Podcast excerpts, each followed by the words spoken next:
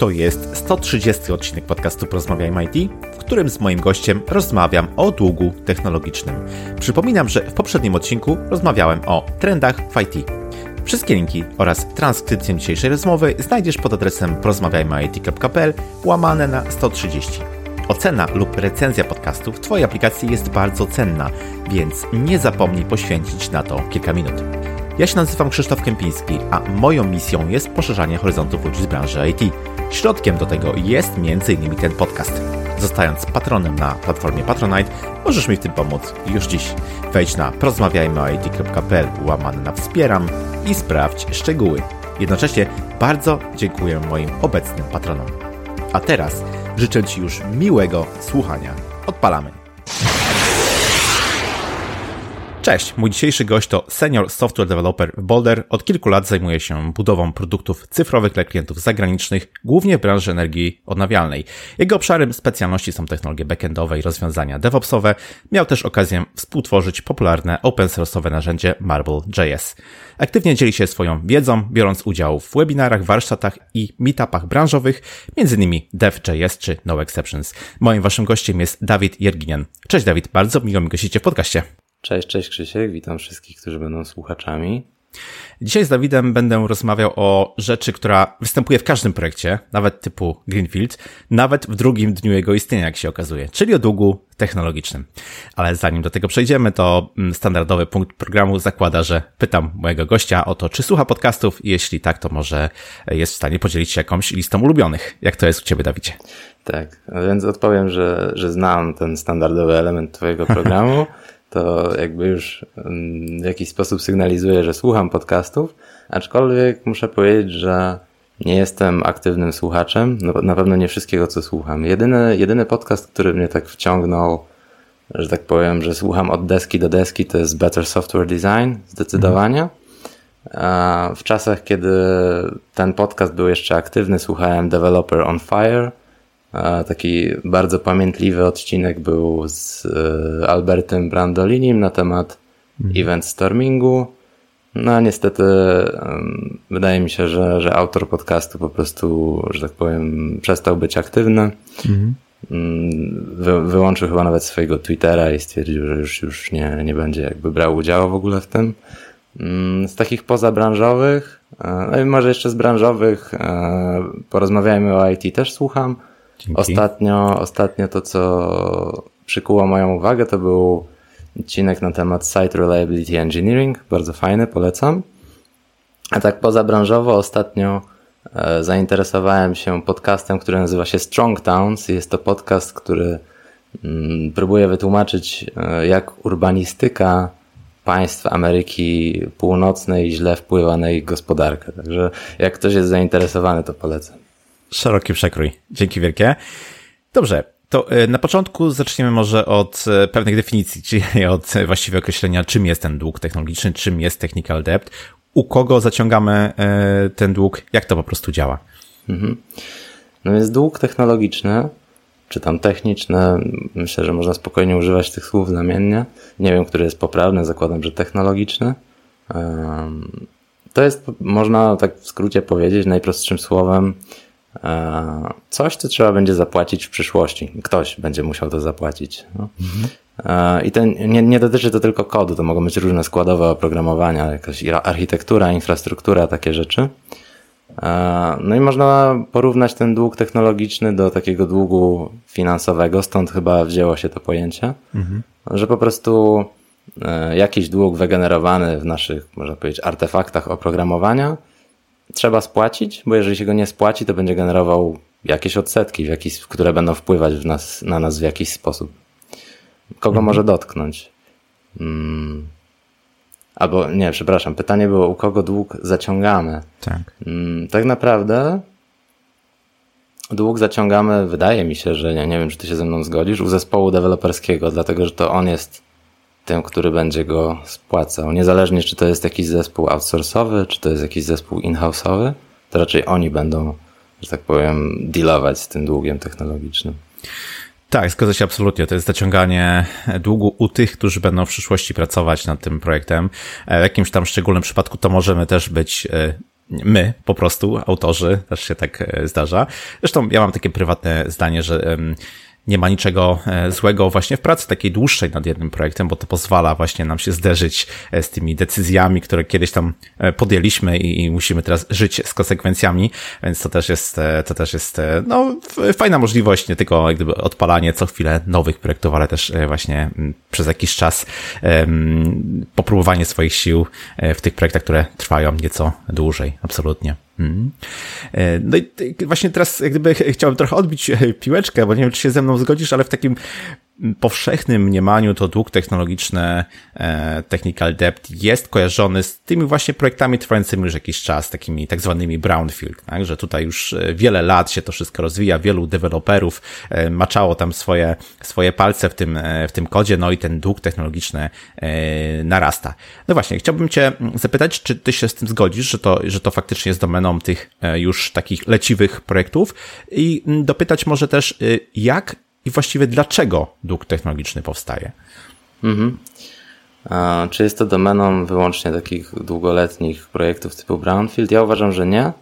E, mogę powiedzieć tylko, że na pewno one są bardziej podatne na takie znaczne obciążenie tym długiem, stąd biorą się te wszystkie nasze historie o legacy strasznym i tak dalej.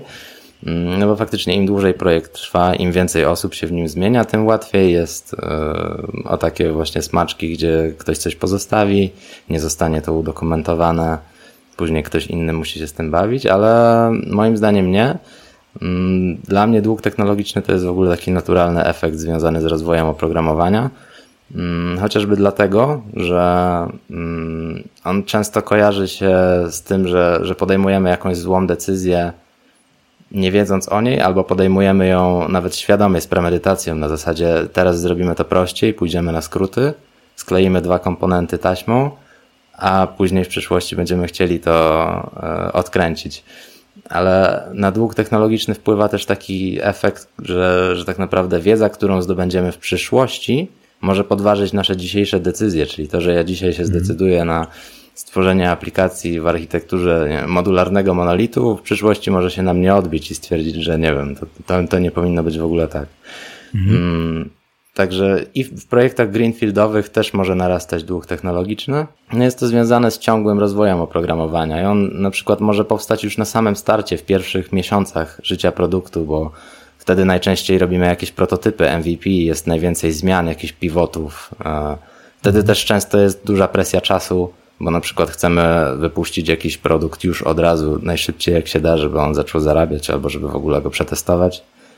Mm, no i wiadomo, tak jak jeszcze mówiłem, że, że możemy zaciągać ten dług z premedytacją, na zasadzie teraz pójdziemy sobie na skróty, szybciej wypuścimy nasz produkt, a poprawimy to później. Mm, wpływa to na to też taki, e, nie wiem czy słyszałeś, e, takie pojęcie jak rot albo code rot.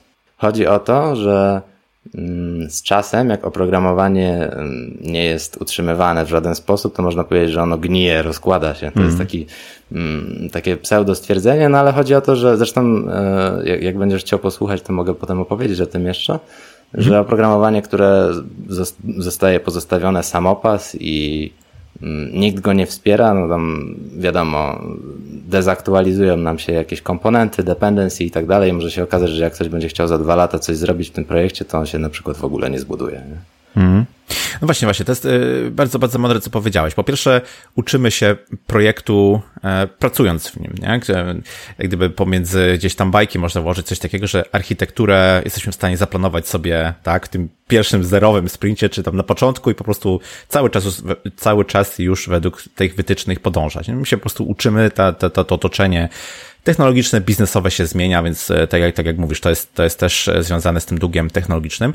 Mm, no i druga e, taka rzecz, o której powiedziałeś, to jest to, że ten dług technologiczny nam z czasem narasta, zwłaszcza jeśli go nie spłacamy, tak? Jeśli, jeśli te, na bieżąco tego nie kontrolujemy, no to w pewnym momencie możemy przejść już tą magiczną linię, w którym, za którą albo nie będzie miało zupełnie sensu tego długu spłacać, albo to wręcz będzie niemożliwe, nie? I to wszystko, co teraz e, ty powiedziałeś, co ja trochę dopowiedziałem, e, no to może stawiać ten dług technologiczny w takim e, obrazie bardzo pejoratywnym, nie? że to jednak jest coś bardzo, bardzo złego. Mówiliśmy tutaj nawet o zgniliźnie, więc to jest powiązanie bardzo, bardzo jasne. Mm, ale właśnie, czy, czy, czy zawsze dług technologiczny jest problemem i komu on zagraża w projekcie? No, można powiedzieć, że on zawsze jest problemem, tylko jego skutki nie zawsze są jakby widoczne. Znaczy, chodzi o to, że pewien poziom długu technologicznego nie jest groźny i nawet można powiedzieć, że sam jest wskazany, bo dzięki niemu jakoś tam rozwijamy tę naszą aplikację szybciej.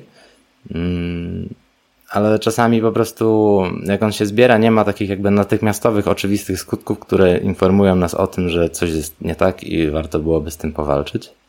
Można byłoby powiedzieć, że zagraża deweloperom, tak? Ponieważ oni e, później jakby muszą walczyć w tym środowisku o to, żeby jakąś tą aplikację rozwijać, ale ja bym powiedział, że on zakracza całemu otoczeniu i wszystkim, którzy mają jakąkolwiek styczność z tym oprogramowaniem, które jest zadłużone, czyli deweloperom, którzy się męczą przy jego rozwoju, e, można powiedzieć, że biznesowi, tak, ludziom biznesowym, albo w ogóle całej organizacji ich finansom w taki sposób, że nie dowozimy feature'ów na czas, nasza konkurencja rozwija się szybciej, a może nawet wpływać na użytkowników, jeżeli mamy jakieś niestabilne oprogramowanie.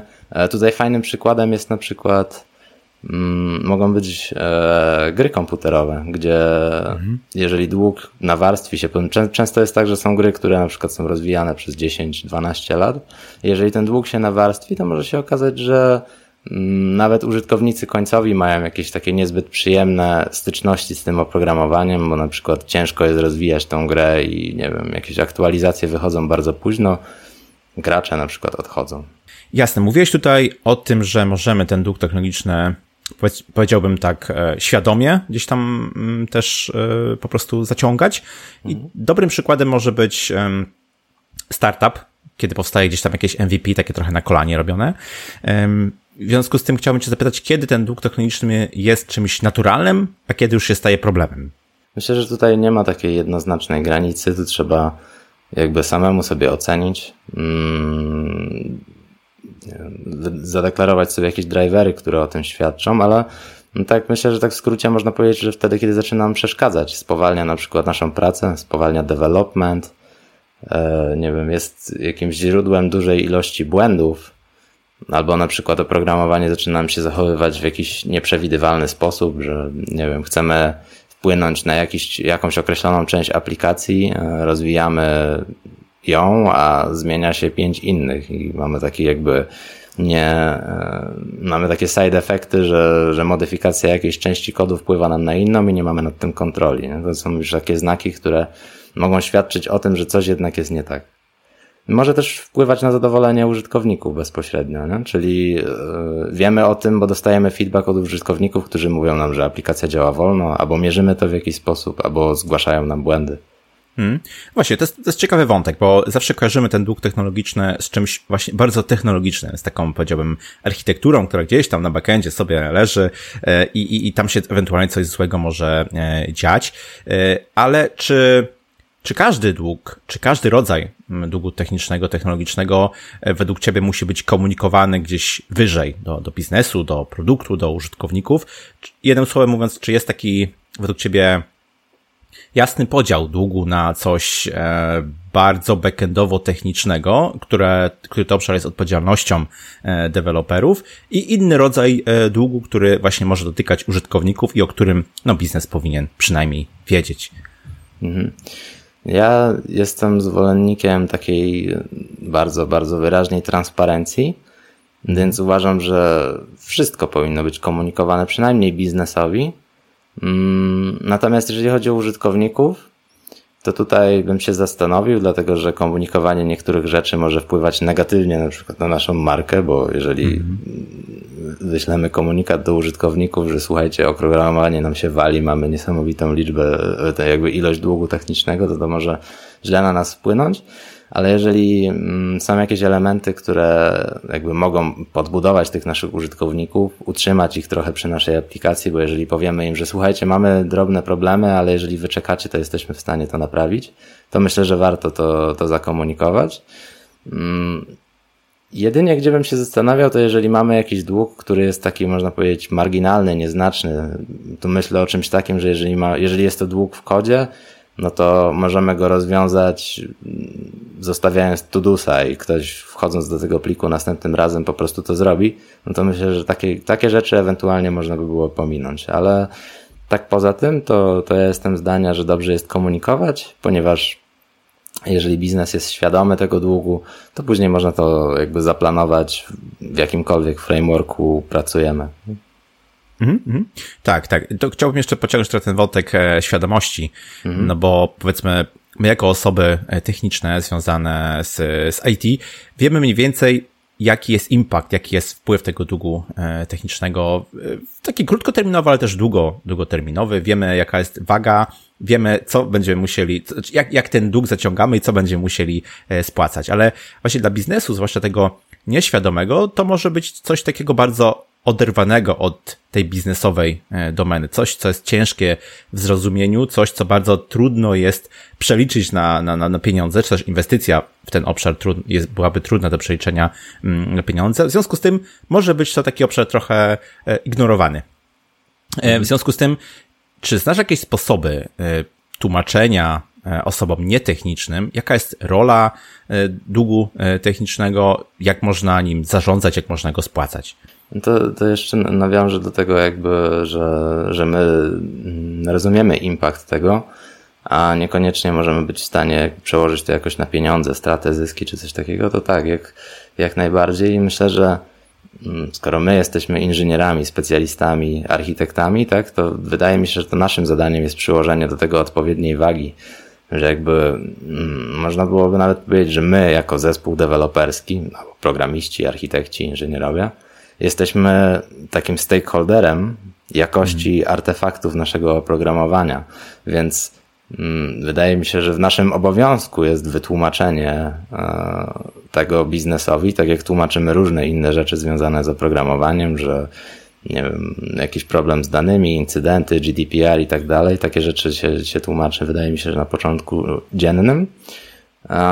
No i też jakby postawmy się w drugiej stronie, że w momencie, kiedy na przykład pracujemy nad skomplikowaną domeną, niech będzie to źródło energii odnawialnej, to ten biznes, który tak bardzo nie rozumie tego naszego długu technologicznego, on też ma troszeczkę problem, żeby wytłumaczyć nam swoją domenę, w której operuje. Na przykład mhm. pojawiają się jakieś terminologie związane z urzędami rejestrującymi różnego rodzaju jakieś inwertery energetyczne, tak, jak się pracuje w takiej domenie, oni też muszą nam to wytłumaczyć, nie mogą nas jakby zignorować, więc my też nie ignorujmy ich, starajmy się im to wytłumaczyć, używajmy różnego rodzaju metafor, jak na przykład finansowych, albo e, też e, kiedyś usłyszałem taką bardzo fajną metaforę od koleżanki z Boulder, e, która mówi, że, że dług technologiczny jest trochę jak gotowanie że chcesz sobie ugotować obiad, tak? No i przygotowujesz ten obiad, kroisz marchewki i tak dalej, i zostaje ci potem brudny blat, jakieś obierki i tak dalej. To jest ten twój dług, który musisz posprzątać, zanim mhm. zaczniesz ponownie gotować, bo jak go nie posprzątasz, to wiadomo, co się stanie. Bardzo obrazowe, ale, ale no faktycznie może, może, może docierać. Y, Muszę przyznać, że bardzo podoba mi się Twoja odpowiedź, czyli po prostu nastawienie na komunikację i na takie obustronne zrozumienie, tak? Nie, nie stawianie um, siebie w takim obozie, który, który powiedzmy, no, mówi, że ale ja to rozumiem, a wy to nie rozumiecie, tylko raczej próba e, dogadania się, próba wzajemnego zrozumienia jest pewnie jedynym i najbardziej skutecznym sposobem, e, żeby jakoś wychodzić z tego długu, e, długu technicznego, który, no, powstaje na co dzień i powstaje nieraz e, niezależnie od tego, co byśmy mm, zrobili, tak? Bo trzeba też sobie jasno powiedzieć, że mm, bardzo trudno jest znaleźć takie rozwiązania e, w IT czy też w software developmentie, które są wolne od długu technicznego, tak? To jest najczęściej jakiś tam rodzaj zrezygnowania z czegoś na korzyść czegoś innego, ale no wiadomo, musimy iść na jakieś kompromisy. Mhm. Dokładnie. No właśnie, i teraz tak, jeśli chodzi o mm, to, czy jesteśmy świadomi tego długu technicznego, albo czy w ogóle wiemy, że go mamy, no to możemy się o tym przekonać, dostając um, bardzo niemiłą informację od klientów, że faktycznie mamy taki dług techniczny, bo coś na przykład przestaje działać. Może się okazać, że biznes czy produkt zwraca się do nas, że powiedzmy ta szybkość developmentu nam ostatnio mocno e, spada, albo my estymując jakieś kolejne rzeczy, no wychodzimy na coraz y, większe te, te, te czasy, no bo powiedzmy zarządzanie tym długiem e, niestety mm, stanowi taką dodatkową pracę. W związku z tym dążę do tego, że dobrze by było ten dług techniczny jakoś mierzyć, żeby być świadomym, ile go mamy, no i później jakoś nim e, zarządzić. Czy jest coś, co według Ciebie daje nam taką możliwość e, mierzenia długu technicznego, czy jakieś metody, jakieś narzędzia, może jakieś podejścia? Mhm. Tutaj taką mm, żartobliwą miarą może być, kiedyś widziałem takiego mema, który mówi, że mm, dług techniczny można zmierzyć dając e, deweloperowi kod do przeczytania i słuchając ile razy poleci WTF per minute. Mm, to, to, może być jedna z miar. Nie? Oczywiście to jest żart, ale. Dobre no, KPI. No, tak, dokładnie, dobre KPI. Myślę, że narzędzi i metod jest sporo. No? Możemy mierzyć e, jakąś tam złożoność e, cyklomatyczną naszego kodu, jakąś złożoność poznawczą, mm, łącząc to z jakimiś takimi prost, prostszymi metrykami, jak chociażby pokrycie kodu, mm, nie wiem, z, jakie mamy przedawnione biblioteki, hmm. ile mamy jakichś security vulnerabilities, tak, podatności, ile mamy bugów na przykład. To są takie, takie rzeczy, które można mierzyć. Mm, z takich bardziej jakby nieoczywistych może, to, to możemy mierzyć, no już niekoniecznie czas tam w minutach czy coś, ale możemy patrzeć, ile nam zajmuje onboarding nowego dewelopera, nie? bo to też jest, to też świadczy o tym, że jeżeli nowy deweloper nie jest w stanie wejść w miarę szybko w projekt, no to czegoś w nim brakuje, no bo nie wiem, czy dokumentacji, czy po prostu ciężko się, ciężko zrozumieć domenę, przeczytać co, co siedzi w tym kodzie. Mm, no i też możemy korzystać z jakichś takich bardziej zaawansowanych technik, które stawiają już na liczby, jak na przykład e, Technical Depth Ratio czy, czy Squale. To jest Software Quality Assessment Based on Lifecycle Expectations i to są metryki, które może mierzyć nam na przykład narzędzie SonarCube. Mm, no i ten Square właściwie opiera się na tym samym, co można powiedzieć, że wymieniłem też przed chwilą, czyli testowalności kodu, reliability, jak bardzo jest podatny na zmiany, jaki ma performance, czy jest bezpieczny, czy jest utrzymywalny, czy można, czy łatwo go portować na inne środowiska, czy na przykład kod jest reużywalny, mierzy jakieś, e, ile razy pojawia się duplikacja kodu, znajduje jakieś code smellsy i na podstawie tego on może, że tak powiem, wypluć nam jakiś wynik, jaki jest nasz, e, jaki jest poziom naszego długu technicznego. Mm, myślę, że warto to mierzyć, ale to są już takie rzeczy, które jakby ustawienie tego w swoim procesie wydaje mi się, że zajmuje dużo czasu i to faktycznie będzie, będzie przydatne w projektach, które są duże, mają wiele zespołów, wiem, myślę, że setki ludzi na spokojnie. Ja mam też takie troszeczkę podejście jakby prostsze. Mm, tu też nie, nie wiem, czy się ze mną zgodzisz, ale ja uważam je za obiektywne. Mm, chodzi mi o to, że, że o, może jeżeli zgodzisz się ze mną, że story pointy są miarą obiektywną, to zgodzisz się, że, że taka metoda też jest. Zauważyłem ją, e, przeczytałem e, kiedyś o niej e, na, na blogu technicznym Riot Games, to jest, to jest game developer, który stworzył sławną grę League of Legends. Ich engineering manager napisał o tym, jak oni w ogóle kategoryzują dług technologiczny i jak sobie z nim radzą, jak go mierzą. No i tam on wymienia coś takiego, że, że można skategoryzować, a właściwie mm, nadać cechy długowi w postaci tego, jaki on ma impact, jaki ma wpływ na organizację czy, czy cokolwiek, jaki jest koszt jego naprawienia tego, czy spłacenia tego długu i jak, e, jak bardzo on jest podatny na rozprzestrzenianie. Tam jest użyty taki termin jak contagion, zaraźliwość. Mhm. No i wtedy jakiś określony fragment długu technologicznego, który znajdziemy w naszej aplikacji, jakiś po prostu code smell czy coś takiego, można ocenić w, tej, w, tej, w tych kategoriach na skali jakiś 1 do 5, albo na przykład w story pointach, w sensie w skali story pointów i w ten sposób mamy jakby porównanie mm, które elementy naszego długu technologicznego są gorsze, które są lżejsze, które może warto szybciej zaadresować i to też jakby pomaga nam priorytetyzować i mieć ogląd. Nie są to takie jakby twarde, suche dane, liczby mówiące, mhm. że u nas jest, nie wiem, 5% długu technicznego, ale wydaje mi się, że to i tak jest spoko metoda, która jest znacznie prostsza i szybsza w implementacji niż nie wiem, postawienie SonarCube'a na całą organizację i zdefiniowanie wszystkich tych metryk. Hmm, pewnie. Ja myślę, że obojętnie jaką metodę byśmy sobie tutaj nie wzięli, to i tak będzie lepiej niż w ogóle byśmy nie, nie brali żadnej, tak? W sensie jakakolwiek e, forma mierzenia, e, jaki ten dług techniczny jest, jest lepsza niż e, żadna. Podoba mi się to, co powiedziałeś, że niektóre z tych narzędzi da się, takie wiesz, związane na przykład z test coverage'em, czy też z analizą statyczną, da się to jakoś nawet włączyć w proces CI/CD i, i mieć ten feedback tak, tak w miarę na bieżąco. Tak. A, a zgodzę się też absolutnie z tym, że patrzenie, jak nam spada ten, to, ten ta, ta szybkość developmentu to też jest jakiś tam objaw faktycznie długu technicznego. Jeśli się okaże, że mamy coraz więcej bugów, coraz więcej e, jakichś mm, fixów związanych e, z security, z podbijaniem paczek i tak dalej, i tak dalej, no to faktycznie e, jak gdyby jest to jakiś tam mm, obraz tego, że ten dług techniczny rośnie. To, co ja teraz nieraz też robię w projektach, to jest taka próba mm, spisywania sobie mniej więcej, ile deweloper, szacunkowo oczywiście, poświęca w ciągu dnia czasu na przykład na nowe feature'y, na, nie wiem, bugi, fixy y, związane z, z bezpieczeństwem, podbijanie paczek i tak dalej, i tak dalej. I jak się na to spojrzy, nawet jeśli to jest tak bardzo, bardzo ogólnie zrobione, to od razu widać w czasie, jak to się zmienia i, i widać też, że jeśli powiedzmy w miarę na bieżąco się tego długu technicznego e, gdzieś tam, e, te, przynajmniej tego związanego z takim mocnym impaktem na biznes nie próbuje e, łatać, no to to się akumuluje w, w czasie i później faktycznie ten, ten, ta szybkość developmentu nam spada. Mhm. Dokładnie. Można też zawsze E, może to nie jest już takie obiektywne, ale zwyczajnie popatrzeć, jeżeli pracuje się w jakichś zwinnych oczywiście frameworkach, jak nie wiem, Scrum, można popatrzeć sobie historycznie, na przykład jaka była, nie wiem, średnia, powiedzmy, wysokość takiego przeciętnego feature'a storiesa w story pointach i porównać ją na przykład dzisiaj, a co było pół roku temu, a co było dzisiaj.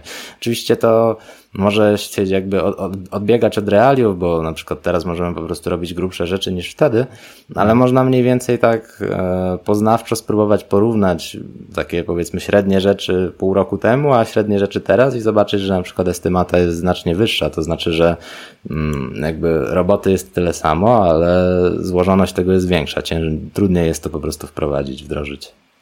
Dokładnie, czyli na podobny powiedzmy feature musimy poświęcić więcej czasu, żeby go finalnie dowieść. Dokładnie, dokładnie tak. Mm, ok, powiedzieliśmy trochę o mierzeniu długu e, technicznego. Dług techniczny można też e, dokumentować.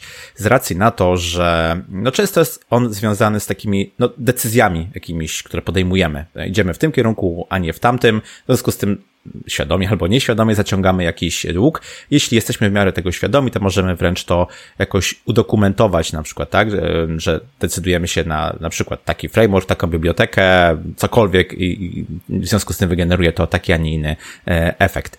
Mm, ten dług e, techniczny, wydaje mi się, czy jego dokumentowanie jest też e, istotne w momencie, kiedy trafiamy na jakiś projekt, już taki na przykład wieloletni, tam niczego takiego nie ma i tak naprawdę nie ma też te testów, to też oczywiście się zdarza, nie wiemy, gdzie jesteśmy, w związku z tym musimy przynajmniej udokumentować ten punkt startowy. Mm, chciałbym Cię zapytać o Twoje doświadczenia, Twoje opinie, Twoje zdanie na temat właśnie dokumentowania e, długu technicznego, czy to w ogóle warto robić, jeśli tak, to może w jaki sposób? Mhm. Nie jestem wielkim fanem dokumentowania. Powiedziałbym, że jestem raczej przeciwnikiem. No ale tutaj muszę się zgodzić z tym, że warto to robić, bo to wspomaga wcześniej wspomnianą transparencję, że no, no ja na przykład robię to w postaci chociażby wpisywania tego do backlogu tak naprawdę. Wrzucania elementów długu, te, spłaty długu technicznego do backlogu. W ten sposób biznes o tym wie, product owner chociażby o tym wie E, można to jakoś e, trakować, priorytetyzować, dzięki temu nie zapomina się o tym przede wszystkim. Mhm. No druga opcja to jest wiadomo, tudusy w kodzie, bardzo w porządku, albo jakieś informacje o tym, że coś zostało deprecated, to, to, to wszystko jest w porządku. No, na zasadzie wrzucamy tudusa i mówimy, że nie wiem, to powinno zostać usunięte po tym release, bo już ta część kodu nie będzie nigdy używana, albo coś tam. E, no i też rzecz związana z decyzjami, o których mówiłeś, tutaj wydaje mi się, że świetnie sprawdzają się ADR-y, Architecture Decision Records, gdzie jeżeli podejmujemy jakąś decyzję pójścia na skróty, możemy to udokumentować, napisać od razu, mm, jaka byłaby opcja alternatywna, która kosztuje nas więcej, zajmuje więcej czasu, możemy podać jakieś, e, jakby co nami kierowało w wyborze tej decyzji wtedy ktoś, kto na przykład wpadnie do projektu, będzie wiedział, jaka była jego historia, mm, dlaczego taka decyzja została podjęta, co było rozważane innego i tak naprawdę na podstawie tego może sobie wywnioskować albo po prostu wymyśleć, co dalej z tym zrobić tak naprawdę. Mhm. Tak, dokładnie, dokładnie tak. Myślę, że e, przynajmniej jakieś takie zdawkowe e, dokumentowanie tego, takich grubszych rzeczy, bo oczywiście nie ma się co czepiać e, drobnych. Myślę, że to w pewnym momencie może jakoś tam, no po prostu ta inwestycja może się nam zwrócić. Mhm.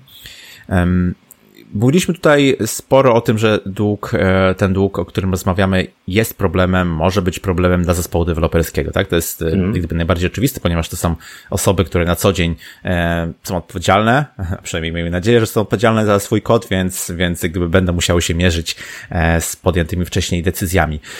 Może być to też problematyczne w jakiś sposób dla biznesu, no bo, bo jak gdyby no, spada nam chociażby na przykład ta, ta, ta możliwość szybszego wytwarzania kodu, trzeba inwestować w tak zwany maintenance i tak dalej, i tak dalej. Jak to jest natomiast y, z klientem? Przychodzi powiedzmy klient, dajmy na to do software house'u, obojętnie to w sumie może być tutaj dowolna firma programistyczna, zamawia jakiś, jakiś produkt, dostaje e, kod, czy dla niego w ogóle temat długu e, technicznego powinien istnieć, czy on go może w jakiś sposób e, ugryźć? To zależy, co, co ten klient będzie chciał zrobić z tym oprogramowaniem. Jeżeli to jest klient, który wpada na przykład pod prototyp, żeby coś przetestować, to myślę, że tam średnio może go interesować ten dług technologiczny, jakby zwaliduje sobie jakąś swoją hipotezę, mm, no i potem będzie chciał rozwinąć ten produkt albo z, z tym samym software house'em, albo z innym, albo in-house'owo będzie chciał to sam stworzyć. Mm, natomiast jeżeli ma jakieś tam plany na przyszłość związane z tym, że to, to już nie jest prototyp, no to fajnie byłoby, żeby się tym zainteresował, a tak naprawdę mm, jeżeli jest się software house'em, to fajnie byłoby tego klienta o tym uświadomić, powiedzieć mu jak to wygląda. Mm, jeżeli on na przykład powiedzmy miał jakiś tam dosyć ciasny budżet i niewiele czasu, to powiedzieć mu jakie decyzje zostały podjęte, co zrobiliśmy i co wypadałoby zrobić w przyszłości, żeby ten produkt mógł się jakoś bardziej zeskalować, czy wpasować e, w swój rynek? No, myślę, że, że tak. Mm. Tak, czyli wracamy znowu do transparencji, ale myślę, że to jest e, no, czasem trudne, ale bardzo potrzebne, ponieważ buduje taką e, długofalową po prostu relację, a to jest w biznesie bardzo ważne, jakby nie było. Hmm? E, no to teraz przechodzimy do takiego nieuchronnego pytania. E, długi trzeba spłacać, a przynajmniej się powinno. E, chcecie zapytać, jak zarządzać takim długiem technologicznym, jak sobie z nim radzić w projekcie, który się ciągle zmienia, który, w którym te przyrosty są co sprint, codziennie, co tydzień, jak sobie radzić w takim projekcie z długiem technologicznym? Mhm. Czyli zakładamy, że to jest taki projekt, który raczej jest utrzymywany. Mm. Hmm? No to powiedziałbym, że, że to, no, bo może jeszcze zacznę trochę z drugiej strony, jeżeli to jest projekt, który na przykład odziedziczyli, odziedziczyliśmy, jakieś legacy, brownfield, tak? No to tutaj trzeba będzie zastosować jakieś rzeczy pokroju mm, audytu kodu, zbadania tego, co tam jest, no i później jakieś takiej ścieżki do tego, żeby z tego wybrnąć. Z doświadczenia raczej zauważyłem, że przepisywanie nie kończy się dobrze, bo często jest hmm. tak, że o, z tym się nie da nic zrobić, trzeba to przepisać. Myślę, że to raczej w 90% przypadków to jest to zły wybór. Hmm. Można zastosować tam jakieś wzorce, które spróbują wygasić ten system powoli na rzecz e, jakiegoś nowego, który jest lepiej skonstruowany. A jeżeli chodzi o projekty takie, które się ciągną z, z, ze sprintu na sprint, mamy przyrost, faktycznie dużo, dużo się w nich dzieje, no to myślę, że trzeba przyjąć takie założenie, że spłacamy ten dług non-stop. Robimy continuous refactoring, jesteśmy transparentni. Mm, w przypadku zaciągania świadomego tego długu, nie wiem, piszemy ADR-a, mm, wrzucamy tą drugą część do, do backlogu, która powinna zostać zrobiona lepiej, priorytetyzujemy to w jakiś sposób, normalnie planujemy to w sprintach, E, jeżeli nie jesteśmy w stanie czegoś rozwiązać, na przykład w kodzie wrzucamy jakiegoś tudusa, prosimy na code review, żeby nam ktoś pomógł. Jeżeli nie pomoże, to niech ten tudus sobie wisi, niech ktoś to rozwiąże w przyszłości. Mhm. No i można też zastosować jakieś e, głębsze rzeczy, nie wiem. Ja na przykład ostatnio interesuję się bardzo evolutionary architecture, nie jestem jeszcze jakoś, e, nie zastosowałem tego nigdy w praktyce, ale to też jest fajny sposób na to, żeby tego długu unikać. Definiujemy sobie jakieś tam drivery naszej architektury, które informują nas o tym, że w tym momencie wypadałoby zrobić może jakąś zmianę, pivot, cokolwiek w tej architekturze, żeby ona była bardziej dopasowana do, do tego, co robimy. No i korzystać na przykład z automatyzacji, sprawdzać pokrycie e, testami, sprawdzać vulnerabilities, nie wiem, wrzucić sobie jakiegoś dependa bota, który nam wystawia mhm. emerki z podbitymi paczkami i tak dalej. Mhm. No właśnie, y, chciałbym jeszcze pociągnąć ten e, temat e, strategii spłacania długu, bo tak jak ze zwykłym długiem jest, też możemy go spłacać, e, nadpłacać, możemy go spłacać jednorazowo, możemy go spłacać w wielu ratach. Tak samo właśnie, jak to jest pytanie, jak to jest z długiem technologicznym? Czy według Ciebie sprawdzają się strategie pod tytułem, no nie wiem, specjalne sprinty, tak, które na to są przeznaczone? Czy też może takie continuous refactoring, że wręcz każdym prawie pull requestie, który robimy, e, jest jakaś tam forma spłacenia, jakaś tam część polegająca na spłaceniu zastanego e, długu, a może na przykład część sprintu powinna być na to przeznaczona. Jakie strategie według Ciebie sprawdzają się najlepiej? Mhm. No myślę, że tutaj, jeżeli jesteśmy transparentni z, naszym, z naszymi stakeholderami, czy to jest jakiś e, w firmie in-house'owej z jakimś engineering managerem, czy to jest nasz klient, kiedy jesteśmy usługodawcą, E, no to myślę, że, że wszystko tak naprawdę zadziała, tak jak się z nim dogadamy. No ale myślę, że jest lepiej jakby starać się e, zmniejszać tą częstotliwość tego, e, albo nie wiem, przepraszam, zwiększać częstotliwość tego spłacania długu, czyli nie starać się robić tak, że na przykład hmm. trzaskamy feature'y przez pół roku, a potem robimy sobie dwa sprinty na refactoring i, i spłatę długu, a potem znowu, E, bo już widziałem takie przypadki, że, że w przypadku na przykład Software House, no to to jest tak, że robimy sobie sprint na refactoring, potem trzaskamy featurey i potem mówimy klientowi, że znowu refactoring, a on mówi, no jak to przecież przed chwilą robiliście. Nie? No. Właśnie, myślę, że ważne jest to dogadanie się z tym przysłowiowym e, biznesem, nie? Bo, bo nieraz bardzo trudno jest um, zaakceptować osobom właśnie produktowo-biznesowym, że na przykład zatrzymujemy tą produkcję, tak, na, na tydzień, dwa, nie wiem, miesiąc, jakkolwiek tam e, trzeba. E, lepiej z mojego doświadczenia wychodzi jednak przemycanie, w cudzysłowie, przemycanie e, takich, takich zadań właśnie refaktoringowych albo gdzieś tam podbijania paczek czy czegokolwiek takiego mm, w sprintach, nie? To co, to co powiedziałeś e, właśnie wcześniej, że gdzieś tam dodajemy to w miarę na bieżąco do, do backlogu e, i tutaj jest trochę nasza odpowiedzialność, znaczy nasza w sensie myślę tutaj deweloperów, że jeśli widzimy, że coś takiego jest, to najczęściej my jesteśmy świadomi, że coś takiego istnieje jak, jak dług techniczny w tym kodzie, no to tworzymy na przykład ten, ten, ten, issue gdzieś tam, tak, na GitHubie, Jirze, gdzie, gdziekolwiek, żeby to mm, gdzieś tam nam e, nie uciekło, a później staramy się to też włączać po prostu e, w, w te normalne sprinty, nie, żeby to jednak e, w miarę na bieżąco było usuwane, żebyśmy nie musieli zatrzymywać tej przysłowiowej produkcji na jakiś tam czas, bo to zawsze no, trudno sprzedać niestety gdzieś. To, to, to, to bardzo trudno jest dla biznesu zaakceptować, że musimy się zatrzymać i, i teraz robić refaktoring. Tak, tak, tak dokładnie. No ja, no ja się z tym zgadzam w 100%, że to zdecydowanie jest lepsze rozwiązanie. E, najlepiej, kiedy klient jest świadomy, wie, że takie rzeczy istnieją w backlogu i tak naprawdę trzeba się nimi zająć. Mm, no, reguła Scouta jest, jest w porządku, jeżeli na przykład ruszamy jakiś plik, w którym są tudusy, to rozwiążmy te tudusy, albo na przykład, nie wiem, załóżmy, że, że zmieniliśmy trochę architekturę albo styl pisania. Załóżmy, że nagle pojawił nam się functional programming, a mamy sporo jakichś komponentów klasowych no i chcemy zrobić jakąś zmianę, nie wiem, niech będzie to frontend i, i React i powiedzmy mamy komponent klasowy, ale przyjęliśmy sobie zasadę, że od teraz piszemy tylko i wyłącznie komponenty funkcyjne, e, czy tam jakieś stateless, no to zamieńmy tą klasę może na ten funkcyjny, nie? To nie jest mhm. taki big deal, zróbmy to po prostu, będzie jedna rzecz mniej. Mhm. A czy myślisz, że są jakieś różnice, nie wiem, w stopniu na przykład oddziaływania e, długu technologicznego związanego z kodem, z architekturą, z, z infrastrukturą? Czy to jest wszystko w jednym worku, czy też może znaczenie różnych tych typów też jest inne? Mhm. E, no różnice myślę, że na pewno są, albo mogą być, ale nie powiedziałbym, że to jest ściśle powiązane z tym, czy to jest dług na poziomie kodu, architektury czy infrastruktury. Na pewno w jakiś sposób może to być powiązane, ale ja bym to próbował bardziej kategoryzować, tak jak już wspominałem o tym artykule Riot Games, że, żeby patrzeć na impact, e, jaki jest koszt naprawy czegoś takiego i jak bardzo to no, jakby się rozprzestrzenia. Jeżeli mamy na przykład jakiś dług technologiczny w architekturze, który powoduje, że wszystkie klasy piszemy w jakiś określony sposób i to jest zły sposób, no to na pewno to ma jakby jakiś tam wyższy, mm, wyższy wpływ na nas i priorytet niż coś, co jest lokalne w obrębie, nie wiem, jednego endpointu na backendzie mm. czy coś takiego. E, ale ja tutaj raczej bym chyba nie, nie wiązał tego z infrastrukturą czy z architekturą, że na przykład dług technologiczny w architekturze jest znacznie gorszy niż dług technologiczny w kodzie, tylko bardziej analizował to pod kątem, jaki to ma na nas wpływ. Mhm. Okej, okay, pewnie. Myślę, że bardzo dobra, dobra odpowiedź.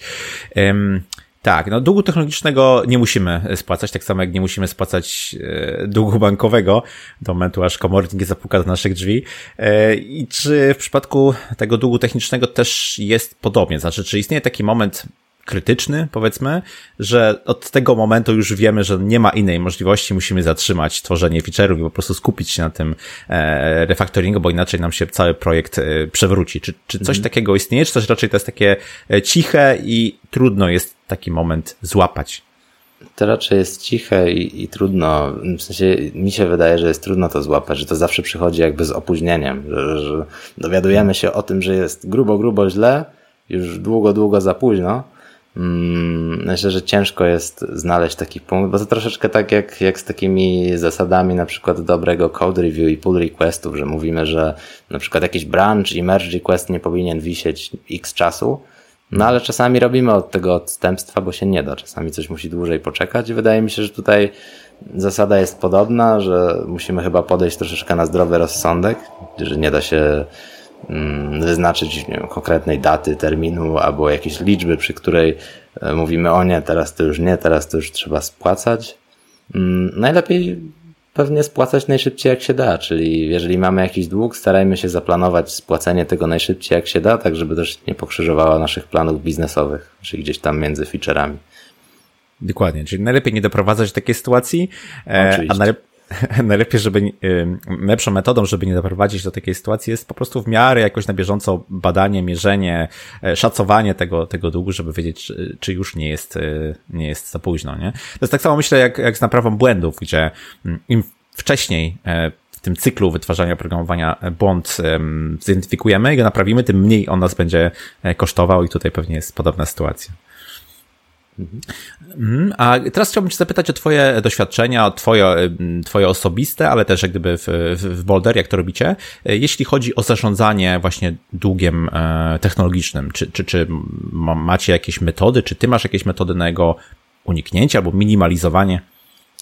Mm, myślę, że uniknąć się nie da nigdy, dlatego że no też na przykład projekty, które realizujemy w Boulder mają taką specyfikę, że na przykład dużo rzeczy może się zmienić, robią się jakieś pivoty, klient ma inny pomysł albo nasze hipotezy po prostu nie sprawdzają się i trzeba, trzeba sprawdzić coś innego. E, no i ja też, też jakby wychodzę z tego, że tak jak już chyba wcześniej mówiłem, że to czego nauczysz się jutro, wpłynie na to, jak będziesz postrzegał decyzję, którą podjąłeś dziś, więc ciężko się tak, ciężko jest tak myśleć z wyprzedzeniem na zasadzie, mm, teraz to zrobię, to może jutro nie będzie długu technologicznego. Bardziej e, transparencja i planowanie, tak jak już wiele razy wspominaliśmy tutaj, mhm. żeby nie, nie bagatelizować tego długu, odpowiednio nim zarządzać. Jeżeli zaciągamy go świadomie, dokumentujmy to sobie, będziemy potem wiedzieć, że to jakby ciąży na nas cały czas i, i trzeba to spłacić. No i wiadomo, continuous refactoring. Ja z, jakby ze swojego doświadczenia mogę podać kilka takich przykładów. Mm, ostatnio to, co robiłem, e, miałem taką sytuację z mojego błędu oczywiście, że w systemie, e, który my tworzymy, mamy sobie kolejki, które są oparte na, e, na brokerze RabbitMQ I mieliśmy zlokowanego tego Rabbita w wersji trzeciej, po prostu 3, więc w momencie, w którym wyszedł update na przykład z 3.8 na 3.9, on został automatycznie zbumpowany u nas, dlatego że nie mieliśmy zlokowanych tych minorów, e, a RabbitMQ no, na przykład nie stosuje się do semantic versioning, bo oni tak mają. Nie? Mm, no i w takiej sytuacji e, wstajesz rano i patrzysz, że kolejki nie działają. Nie? No i co możesz zrobić teraz? Możesz na przykład e, poszukać zmiany, która to spowodowała. Patrzysz na przykład, jaką teraz wersję próbujesz zdeployować tego Rabbita, no widzisz, że to jest 3.9, no więc co robisz? E, patrzysz, że w tym przypadku akurat to była zmiana taka, że, że RabbitMQ usunął wszystkie zmienne środowiskowe konfiguracyjne i powiedział, że od teraz trzeba robić to za pomocą pliku, No więc lokujesz sobie tego Rabbita w wersji 3.8 przed tą zmianą, no i tak naprawdę wrzucasz do backlogu, planujesz to, już tu niekoniecznie musisz pisać ADR-a, bo to jakby nie jest decyzja zaplanowana, tylko coś, co robisz na teraz, żeby przywrócić system do stanu, mm. powiedzmy, operacyjnego. E, no i wrzucasz to do backlogu, że trzeba tego Rabbita podbić na wersję 3.9. No i możesz sobie zrobić to później. No i w ten sposób masz już zaplanowaną spłatę tego długu, który powstał w taki sposób, że masz nieaktualną wersję e, swojej kolejki. Mhm. Właśnie, bardzo fajnie e, podałeś tutaj metodę, przykład na to, w jaki sposób zarządzać tym długiem e, technologicznym. Tak jak powiedziałeś, nie da się tego z wyprzedzeniem e, przewidzieć, ponieważ mhm. uczymy się na, tem na, temat obecnego, na temat obecnych tych decyzji, będziemy wiedzieli dopiero w przyszłości, czy to były dobre decyzje, a jeśli nie, to dlaczego niedobre. To jeszcze Mam na koniec jeszcze jeden fajny tak? przykład, jeżeli, okay. jeżeli Śmiało. chcesz posłuchać. Pewnie. Um, jak, roz, jak zaczęliśmy rozwijać ten produkt, który już teraz miał 2,5 albo 3 lata nawet, mm, no to e, zaczęliśmy jakby tworzyć tą, tą usługę w takiej bardzo, można powiedzieć, krudowej wersji, na zasadzie endpointy, które tworzą encje, usuwają, modyfikują i tak dalej. Ale z czasem e, zauważyliśmy, że po prostu mm, problematyka i domena jest bardzo złożona no i cała jakby platforma, wszystkie zespoły zaczęły troszeczkę bardziej e, analizować tą domenę, wytworzyły sobie jakiś e, wspólny język, ubiquitous language, no i w ten sposób zaczęliśmy troszeczkę jakby tak odpływać w stronę domain driven design i architektury opartej o zdarzenia, bo naprawdę dużo, dużo zdarzeń się tam działo. No i y, trafiliśmy w naszym produkcie na moment, w którym E, mieliśmy dużo tych crudów i nagle zaczęły się pojawiać jakby moduły systemu, które są w pełni zdarzeniowe. Nie? No i mhm. teraz co robić? E, to, co zrobiliśmy, to w momencie, w którym na przykład wpadał jakiś feature, który dotyczył jakiegoś modułu sprzedażowego konfiguracji, to stwierdzaliśmy, że skoro będziemy grzebać przy tym endpoincie, to od razu zrobimy go event driven. A te, mhm. które powiedzmy długi nie są zaplanowane w postaci żadnych feature'ów, wrzucimy zwyczajnie do backlogu na takiej zasadzie, że mm, jak nam zostaną te endpointy pod koniec, to po prostu weźmiemy i zmienimy je z krudowych na, na takie oparte na zdarzeniach. No? Mhm. Właśnie, bardzo często warto to robić przy okazji, tak powiedziałeś, nie? Wtedy to Mm, łatwiej jest e, przełknąć e, produktowi biznesowi też jakoś tak przy, przy okazji. E, no i wówczas jak gdyby mm, i tak rozgrzebując jakąś funkcjonalność, musimy się z nią najczęściej ponownie zaznajomić, jak to zostało zaimplementowane, dlaczego akurat tak, więc jesteśmy już na bieżąco. Znacznie łatwiej jest wtedy robić takie grubsze zmiany, niż gdybyśmy specjalnie, jak gdyby chcieli tylko taki dług technologiczny spłacać. Mm, a też myślę, że, że warto dodać, że no nie każdy tak całościowo dług technologiczny warto spłacać, bo, bo może się zdarzyć, że to ze względów i biznesowych, i jakichś tam technologicznych y, po prostu się gdzieś tam na końcu nie kalkuluje, nie, nie, nie tak. zwraca. I, i pewnie. Się nie opłacać. Tak. No właśnie, nie? I nieraz mamy taki, taki zmysł mm, perfekcjonisty jako, jako, jako mm, programiści i chcielibyśmy, żeby wszystko było zgodne z najnowszymi e, technikami, sposobami e, tworzenia, najnowsze biblioteki i tak dalej. Wtedy czujemy się jak gdyby, że, że, że to jest e, no, fajny kawałek kodu, ale no okazuje się, że e, niestety albo stety to, co robimy, służy gdzieś tam dalej biznesowi, służy użytkownikom. Jeśli po prostu te zmiany, które planu, planujemy e, wprowadzić, nie przełożą się na nic, no to tak naprawdę jest taka trochę stracona, e, stracona praca, nie? No dokładnie. Myślę, że tutaj trzeba dobrą jakby taką metodą jest po prostu spojrzenie good enough. Załóżmy, że jeżeli mamy hmm. jakąś aplikację i nie wiem, mamy jakiś problem z performancem w niej, tak? Ona jest niewydajna, no to możemy, e, no właśnie, to, to, to też kwestia jakby optymalizacji, że yy, optymalizacja yy, jakby przedwczesna też, też nie mhm. jest zbyt dobra. Mm, no i jak już coś optymalizujemy, to też e, jakby zróbmy to good enough na zasadzie sprowadźmy, załóżmy requesty do, do czasów, które są rozsądne i akceptowalne, a nie próbujmy przerobić całego kodu na, na najszybszą maszynę na świecie, no bo, no bo może to doprowadzić do tego, że nasz kod przestanie być czytelny, nie? Jakby zamiast używać jakichś tam metod na, na arrayach javascriptowych, to zaczniemy trzaskać wszystko w pętlach, albo w ogóle napiszmy w assemblerze, nie? To będzie jeszcze szybciej. Szybsze. Właśnie, nie? Więc to tak, tak gdyby jest to wiele takich warstw, które trzeba e, wyważyć i to, to, to po prostu musi mieć jakiś tam e, logiczny taki sens, a niekoniecznie dążyć do tego, żeby się nam jakieś tam liczby czy, czy KPI na końcu e, zgadzały, nie? Okej. Okay. Dobra, doszliśmy do takiego, mam wrażenie, wspólnego zdania, że mm, przewidzenie, próba przewidzenia długu e, technologicznego nie ma sensu i takie, takie premature optimization, właśnie o czym powiedziałeś, nie, to jest też, też złe, e, złe podejście. Mm, teraz chciałbym Cię na koniec jeszcze zapytać, czy, czy, czy w Boulder macie jakieś takie procesowe, metodyczne podejście do tego, żeby usuwać dług e, technologiczny. Może ty masz jakieś takie swoje doświadczenia albo dobre praktyki, które już konkretnie z usuwaniem długu technicznego są związane? Mhm. Jako tako myślę, że takich sformalizowanych yy, praktyk i procesów nie mamy, dlatego no, myślę, że ze względu na to, jak w tej chwili działa nasza organizacja, jesteśmy, wydaje mi się, mocno rozproszeni, bardzo jakby autonomiczni w obszarach, w których działamy, więc Myślę, że takich jakby procesowych, odgórnych, narzuconych przez, e, przez Boulder rzeczy nie ma. No ale to, co często praktykujemy, kiedy na przykład zderzamy się z aplikacją brownfieldową albo z jakimś legacy, to zaczynamy tak naprawdę mm, od audytu kodu. Mówimy klientowi, że mm, spoko, my na to spojrzymy, chcemy po prostu przeanalizować, co tam się dzieje w zamian dostaniesz audyt kodu, który wypunktuje ci jakby co, co w tym jest nie tak. To jest dla nas też świetna informacja, od czego warto byłoby zacząć, w jakim stanie jest ta aplikacja. No a potem to już trzeba tak naprawdę dodać, yy, przepraszam, dobrać metodę do problemu pewnie. Jeżeli to jest jakieś harde legacy takie, że no faktycznie nie można nic z tym zrobić, no to nie wiem, budujmy wokół tego, spróbujmy budować jakieś e, anti-corruption layer, które komunikuje się z tym i jakby zabezpiecza ten nasz system przed, przed tym mhm. brzydkim e, legacy, albo nie wiem, próbujmy rozwijając jakieś elementy tego systemu, budować je w postaci nowych modułów i wygaszać e, poniekąd tamte stare elementy w jakimś wzorcu Stranglera czy coś takiego. Mhm. Albo próbujmy spłacać to, jeżeli aplikacja nie jest w jakimś e, strasznie złym stanie, to spróbujmy spłacać to wrazem, wraz jakby z rozwojem jej. Na przykład możemy mm, Możemy też sobie oczywiście to dawkować, że na przykład stwierdzić, że jeżeli ta aplikacja jest taka sobie mech, nie, to część rzeczy możemy zrobić jakby upfront, na przykład podbić od razu jakieś najważniejsze paczki Reacta, coś tam, TypeScripta, albo dodać w ogóle system typowania, a potem powoli kawałek po kawałeczku to poprawiać. Tak jest. Dokładnie, zgadzam się jak najbardziej.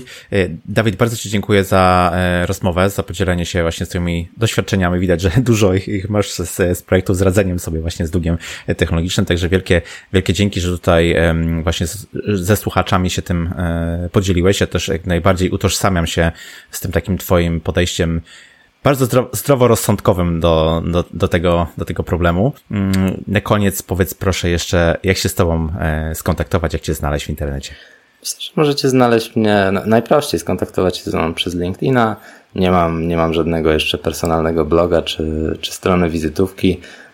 One są work in progress od długiego czasu. Myślę, że może kiedyś powstaną, ale jeżeli ktoś chce się ze mną skontaktować, to, to myślę, że LinkedIn jest najlepszym punktem. E, zaglądam tam co jakiś czas.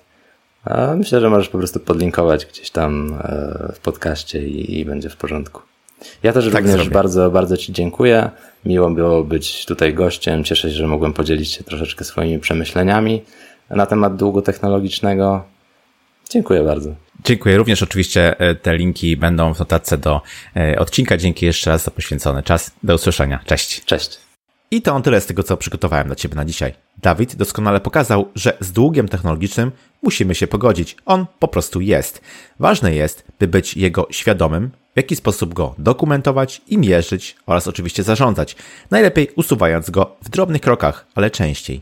Ważna jest tutaj też świadomość organizacji, w której się pracuje i transparentne komunikowanie długu i konieczności radzenia sobie z nim do biznesu, produktu czy klienta.